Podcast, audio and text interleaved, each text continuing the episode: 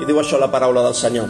Lluc capítol 2, versets de l'1 al 20. I s'esdevingué en aquells dies que sortia un edicte de Cèsar, August, perquè es fes el cens de tota la humanitat. El cens en si fou fet primerament quan Quirini era governador de Síria, i tothom anava a empadronar-se, cadascú a la seva pròpia ciutat. I Josep també pujà des de Galilea a la ciutat de Nazaret, a Judea, a la ciutat de David, que es diu Betlem, perquè ell era de la casa i del llinatge de David. Empadronar-se amb Maria, la dona promesa amb ell, que estava encinta. I s'esdevingué que mentre eren allà se li compliren els dies del part i va infantar el seu fill primogènit i l'embolcallà i el reclinar en la menjadora perquè no hi havia lloc per a ells a l'hostal. I en aquella mateixa contrada hi havia uns pastors que s'estaven al ras vetllant de nit guardant el seu ramat. I heus aquí un àngel del Senyor vingué a ells i la glòria del Senyor els envoltà de llum i van tenir molta por. I l'àngel els digué, no tingueu por, perquè heus aquí us anuncio bones noves de gran goig, que us seran per a tot el poble, perquè avui us ha nascut en la ciutat de David el Salvador, que és el Crist, el Senyor. I això us serà el senyal. Trobareu un nadó en bolquers ajagut en la menjadora. I de sobte es va unir a l'àngel una multitud de l'exèrcit celestial que lloaven Déu i deien Glòria a Déu en les altures i a la terra pau, bona voluntat envers els homes. I s'esdevingué quan els àngels se n'anaren cap al cel que els pastors es deien entre ells Anem fins a Betlem a veure això que ha passat, que el Senyor ens ha fet saber i anaren de pressa. I trobaren Maria i Josep i el nen ajagut en la menjadora i en veure'l van fer saber allò que se'ls havia dit d'aquell nen. I tots els qui ho havien escoltat restaren meravellats d'allò que els explicaven els pastors. I Maria guardava totes aquestes coses i les meditava en el seu cor. I els pastors se'n van tornar glorificant i lluant Déu per totes les coses que havien escoltat i vist tal com els havia estat anunciat. Aquesta és la paraula del Senyor. Hola i benvingut al podcast de Ciutat Nova, una església protestant al barri 22 arroba de Barcelona.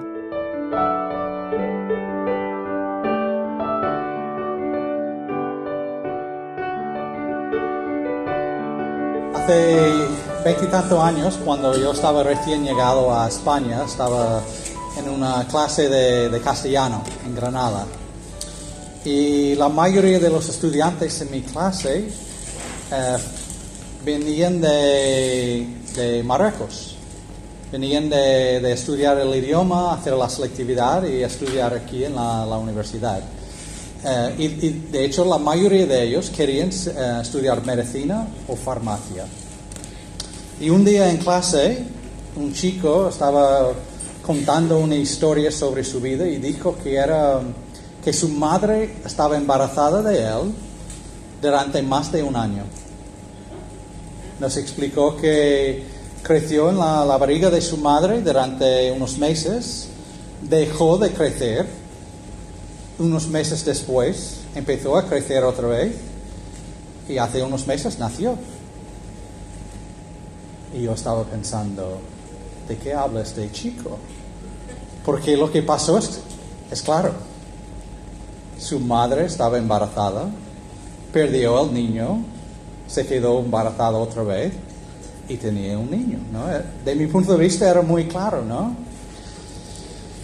Bueno, había una otra chica americana en la clase con nosotros y ella decidió hablar con, con una de las chicas de Marruecos más inteligentes de toda la clase. Y dijo a ella, mira, hay una explicación a lo que pasó. Y explicó la idea que ten tenía yo, ¿no? Y esta chica dijo, mira, hay cosas que la ciencia no se puede explicar. Y yo pensaba, bueno, tienes razón, estoy de acuerdo contigo, pero todavía no creo que su madre estaba embarazada de más de un año, ¿no? Y lo que encontramos aquí es un choque de culturas, ¿no? Un choque de, de ideas de cómo funciona este mundo. Eh, nosotros como cristianos creemos que vivimos en un mundo eh, donde hay cosas que pasan que son sobrenaturales, que son, que hay, este mundo tiene un encanto y hay cosas que no se puede explicar, hay un misterio en este mundo. Bueno, quizás estás pensando, pero J, hoy es el día antes de Navidad, ¿por qué estamos hablando de estas cosas? Bueno, luego vamos a entrar en, los detalles del nacimiento de, Cristo, pero eh, vamos a hablar primero de, este mundo de trascendental en que vivimos, un mundo sobrenatural. Luego vamos a hablar de nuestra mayor necesidad en este mundo y luego cómo respondemos. Yo sé que esto no tiene ningún sentido, este eh, esquema que os he dado ahora. ¿Eh? un mundo trascendental, nuestra mayor necesidad, cómo respondemos. Bueno, espero que al final todo tendrá sentido, ¿vale? Em, bueno, durante los últimos siglos lo que hemos visto es un cambio eh, bastante radical, especialmente en el occidente, de cómo pensamos como seres humanos. Y ahora, poco a poco, lo que vemos es que estamos echando todo lo que tiene que ver con Dios, o todo lo que tiene que ver con algo sobrenatural, trascendental. Estamos perdiendo algo de la mágica de la vida. Eh, vivimos en un mundo eh, donde todo está explicado por cosas naturales, que todo es células y eh, reacciones químicas y, y cosas que podemos ver y tocar. Y esto ha sido muy bueno para el mundo, en muchos sentidos. No ha sido todo mal, por eso vivimos vidas muy largas. Ahora, los avances en ciencia y medicina nos nos han ayudado un montón. Pero como cristianos sabemos que esto no es suficiente, no explica de todo y nunca llegará a explicar de todo. Es imposible. Eh, parece que hay misterio en este mundo. Misterio, cosas que no podemos explicar. Cosas eh, más allá de lo que podemos observar comprobar y tocar. Os doy algunos ejemplos que he experimentado yo, cosas muy sencillas. No sé si alguna vez has tenido una, cena o comida con, con amigos cercanos o familia y todo fue genial. Comida buenísima, eh, compañerismo cálida, cálido, ¿no? De, y, durante todo el tiempo te sentiste lleno, ¿no? Y al fin, y, no querías que termine. Em, sí, yo, sé que podemos explicar algunas cosas de, esta cena. La comida saboreamos con, con la lengua y la lengua envía mensajes al cerebro y el cerebro recuerda de alguna forma de nuestros antepasados y experiencias así y, por eso disfrutamos tanto. Y tengo que confesar, al escuchar esta explicación, no llega. De hecho, me quita la satisfacción de esta experiencia. No sé si me explico. O quizás, no sé si alguna vez has experimentado o visto una, puesta del sol, puesto del sol, puesta del sol, eh, que te ha quedado sin palabras y casi sin aire, y te ha dado una, una experiencia de agradecimiento. Claro, podemos explicar lo que está pasando con lo que vemos, la, luz y, sombra y colores y todo esto se puede explicar con las gotitas y lo que hay, la luz que pasa por las gotitas, pero es igual, no, no me llega, no, llega a explicar la experiencia que yo he pasado. Hay, algo más de lo que se puede explicar en este momento. Hay algo más, más profundo, más sobrenatural que está pasando. Es- es- esto es el, mundo que explica la Biblia. Un mundo donde hay cosas sobrenaturales que pasan. La Biblia nos explica que no somos solo eh, el resultado de un universo, sino de un creador. Un creador que está moviéndose, ac- activo en este mundo. Y en este, este creador está, tiene propósito, está creando una historia y vivimos dentro de esta historia. Y esta historia nos da propósito y sentido a nuestras vidas. Incluso las cosas cotidianas. Hemos, hemos escuchado un montón esta mañana y la- las semanas anteriores sobre la venida de Cristo al mundo. Hemos escuchado de, de ángeles y un virgen que, que está embarazada. eh, pero en los primeros siete versículos que hemos le- leído esta mañana, no hay nada que parece sobrenatural. Hay un eh, emperador que, que dice que quiere hacer un censo. Hay una pareja eh, embarazada, la, mujer, y tiene que viajar porque hay un censo. Viajar eh, porque eh, su marido, José, es de la familia de, de David, tiene que ir a, a Be- a Belén. Mientras que están ahí, ella es su tiempo, entonces da luz. Cosas de, de toda la vida.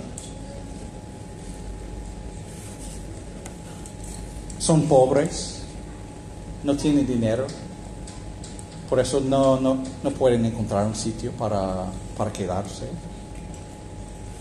Todo parece muy normal, muy cotidiano, ¿no? Pero la realidad es que hay mucho más detrás de esto. Eh, hay una historia mucho más larga, una historia mucho más grande, cósmica incluso podemos decir. Una historia que empezó hace miles y miles y miles de años. Incluso empezó antes de... Hubo tiempo. Encontramos en esta historia, como he dicho, ángeles. Encontramos un virgen que está embarazada.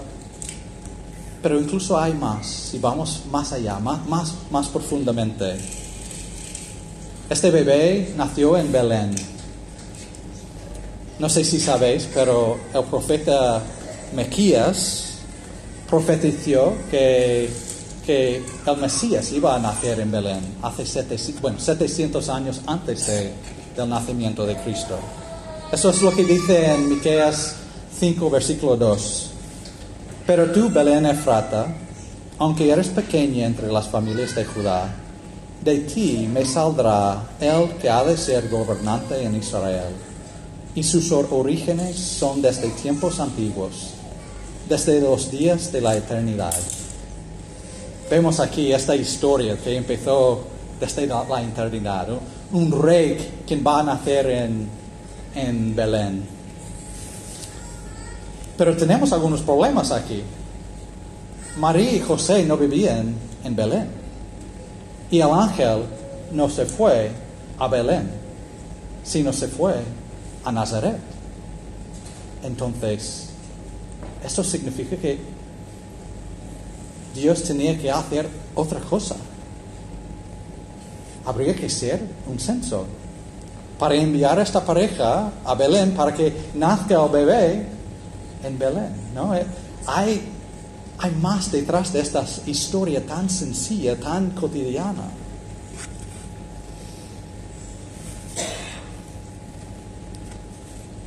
Todas estas cosas siguen pasando hoy en día.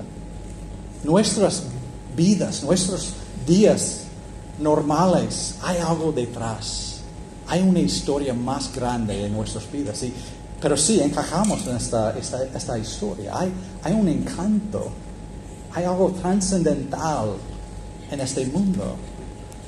No solo es lo que podemos descubrir o lo que podemos producir y, y- al final de la, muerte somos la comida para gusanos, como ha dicho algunos de mis amigos. Hay más de esta vida. Pero este mundo en que vivimos, podemos ver que hay un esfuerzo de quitar todo, esto, todo lo que es tra- trascendental, todo lo que es sobrenatural. Pero esto significa de dónde viene el sentido de la vida, de dónde viene el propósito de la vida. Tiene que venir de nosotros. Tenemos que imaginar nuestro propósito. Tenemos que imaginar nuestro el sentido de la vida, crearlo.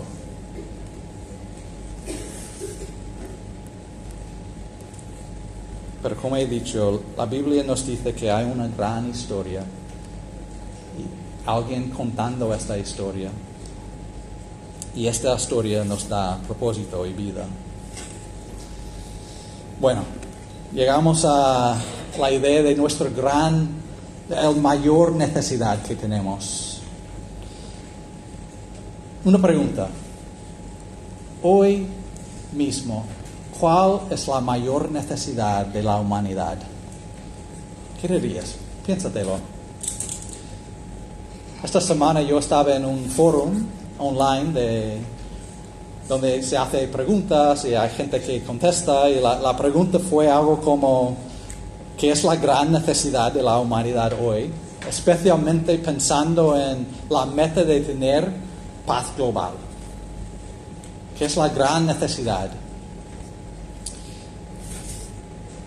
Casi todas las respuestas fueron lo que vais a escuchar aquí. eh. Estoy, tomé notas de las, de las respuestas. Alguna persona dijo, tenemos que cambiar la forma de pensar sobre la paz, la guerra, la, la alocación, ¿se puede decir? ¿Se entiende o no? Eh, es más la dispersión de recursos, ¿vale? Tenemos que cambiar nuestra forma de pensar sobre el privilegio. Básicamente está diciendo, tenemos que cambiar nuestra forma de pensar. Otra persona dijo, el problema más grande es que somos demasiado gente en, en el mundo. O también la religión es un problema muy grande en el mundo. Otra persona habló sobre el, liderazgo o autoridad egoísta. Otra persona dijo que tenemos que ser más altruísticas, más, pensar más en las otras personas, buscar el bien de otras personas. Una persona dijo que tenemos que preocuparnos por la China. Esto es eh, el proble- problema más grande del mundo. Otra persona dijo, necesitamos más y mejor principios de razón, lógica. ¿Qué pensáis? Tengo que confesar, estoy de acuerdo con la mayoría de estas cosas. Son problemas grandes en este mundo. Necesitamos pensar mejor, eh, liderazgo egoísta, liderazgo egoísta, sí, es, es un problema grandísimo. Eh, tenemos que pensar más en los demás, buscar el bien de los demás. Ah, Estoy de acuerdo, pero no son ideas nuevas. Son las, las mismas ide- ideas de hace miles de años. Y eso tenemos que hacer la pregunta, ¿por qué tenemos los mismos problemas de hace miles de años? ¿Qué es el obstáculo de, de la raza humana de mejorar en estas cosas? La Biblia nos da una explicación. La Biblia nos enseña que todos los seres humanos vivimos en rebelión contra su Creador. No queremos someternos a Él, queremos vivir nuestra propia forma. Queremos eh, crear nuestro propio mundo, nuestro propio, nuestro propio reino.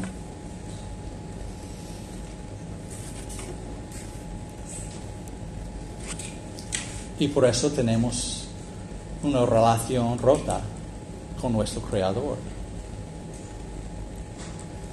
De hecho, el apóstol Pablo dice en Efesios que desde nuestro nacimiento somos los enemigos de Dios por nuestra, nuestra re- rebelión.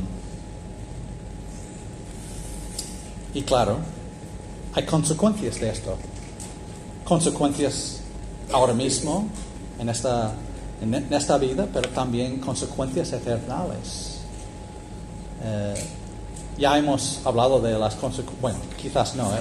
podemos hablar de las consecuencias ahora, ¿no? de, relaciones rotos, conflictos, guerras, eh, todos los problemas del mundo son el resultado de nuestro eh, conflicto con Dios. Pero nuestra rebelión contra Dios es nuestro problema más grande. Todas las otras cosas sí son problemas, pero son problemas como la consecuencia de nuestro mayor problema. Nunca tendremos paz mundial si no tenemos paz con nuestro Creador. Nunca pensaremos y buscaremos el bien de otros si no hemos sido reconciliados con nuestro Dios. Podemos intentar y seguir buscando maneras de arreglar todos los problemas del mundo, pero es como poner una tir- tirita, una rascada, cuando el problema realmente que tenemos es una enfermedad cardíaca. El problema es mucho más profundo de lo que reconocemos. Entonces, volvemos a este nacimiento de, de Cristo.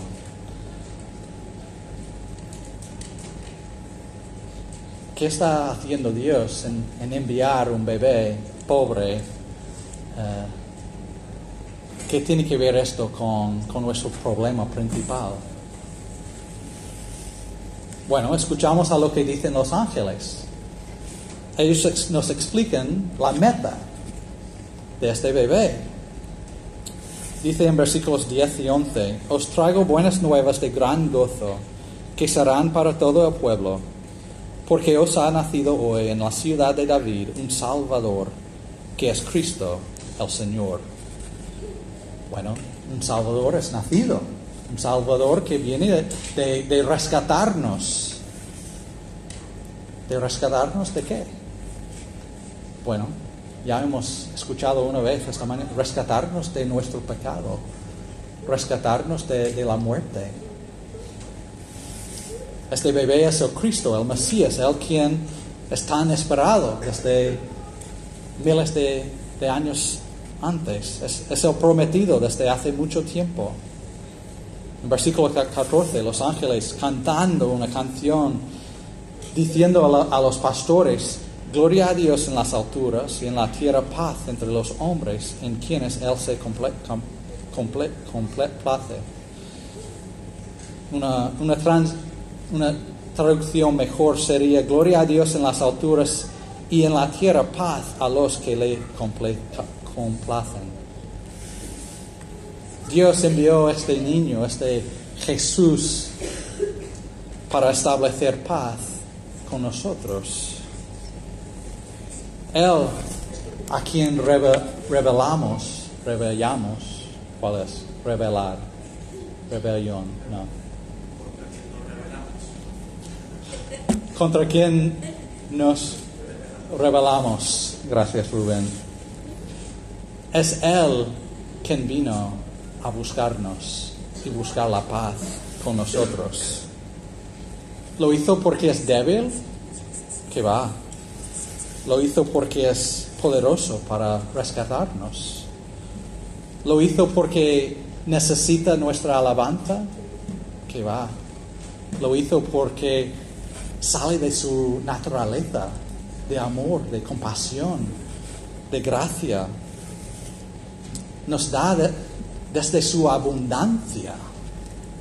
En 2 Corintios 8, 9 leemos esto, porque, porque conocéis la gracia de nuestro Señor Jesucristo, que siendo rico, sin embargo, por amor a vosotros se hizo pobre, para que vosotros, por medio de su pobreza, llegaréis a ser ricos. ¿Veis? Él entregó todo para darnos vida eterna con Él. Él estaba dispuesto a sufrir para darnos una vida nueva. Él recibió nuestra condena para darnos una vida eterna con Él. Es impresionante. Entonces, ¿cómo podemos responder? ¿Cómo debemos responder a esta noticia que Dios entró en el mundo para buscar paz con los seres humanos? Bueno, yo veo aquí en este texto de, de Lucas 2 por lo menos cuatro maneras que podemos responder. En versículo 10 leemos sobre buenas nuevas de gran gozo. Es decir, que este mensaje de lo que está haciendo Dios es algo que debe darnos gozo. La paz con Dios es, es un mensaje de, de buenas noticias. De hecho, debe darnos alivio profundo de tener paz con nuestro Creador. Pero entiendo, vivimos aquí en, en Europa, ya estamos en el occidente y, y para nosotros vivimos casi como no existe Dios, como no hay consecuencias a la manera en que vivimos. Pero en realidad, sí, Dios existe y sí, hay consecuencias a cómo vivimos. Pero Él, nuestro Dios, ha venido a ofrecernos paz y gracia y amor. Y la pregunta es si estás dispuesto a recibir lo que nos da y responder con gozo. También podemos responder, como dice en, en versículo 14, gloria a Dios en las alturas, alabándole, respondiendo, dando gloria a este Dios tan, tan bueno. Pero tenemos que hacer la pregunta, ¿qué significa gloria?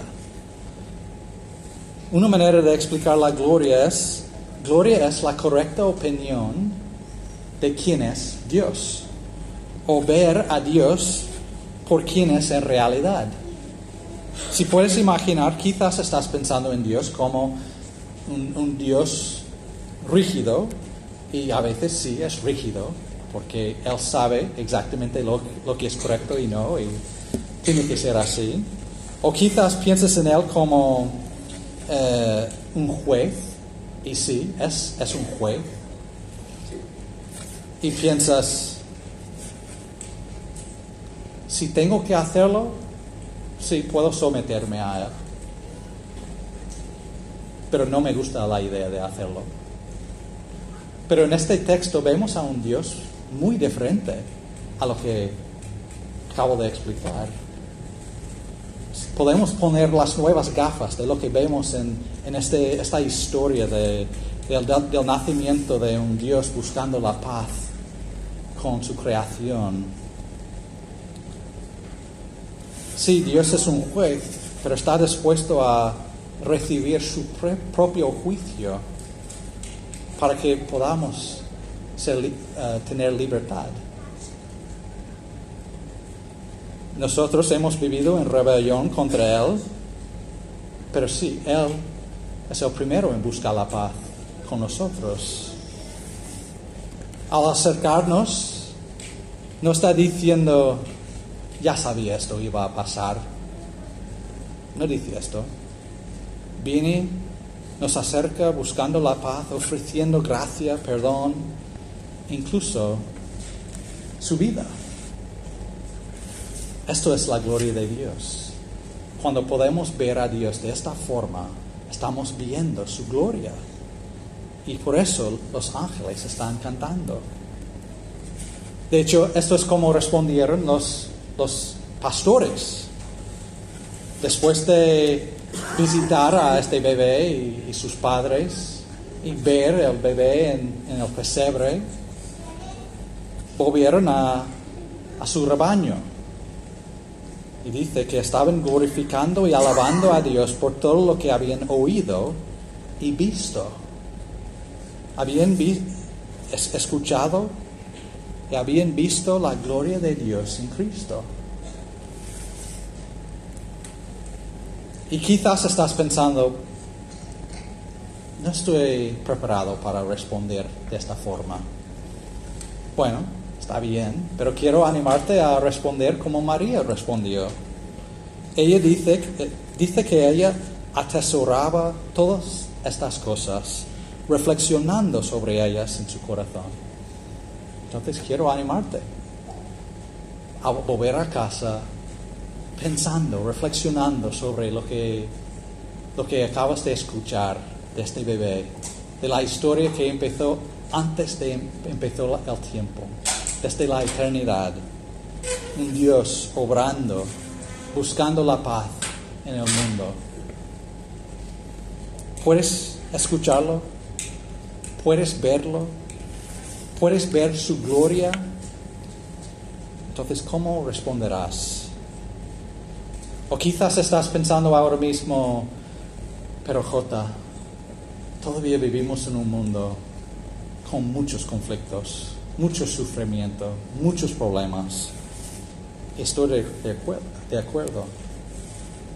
Pero creo que nuestra parte en esto es, somos más parte del problema que parte de la solución.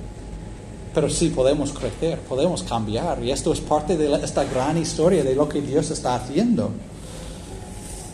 Pero empieza con reflexionar y pensar en este bebé. En este bebé hecho hombre crucificado en la cruz. Y tenemos que pensar, yo creo que cuanto más nos demos cuenta de hasta qué punto ha llegado Dios para conseguir la paz con nosotros, y el coste, de hacer esto, más capaces seremos de buscar la paz con los demás en la tierra.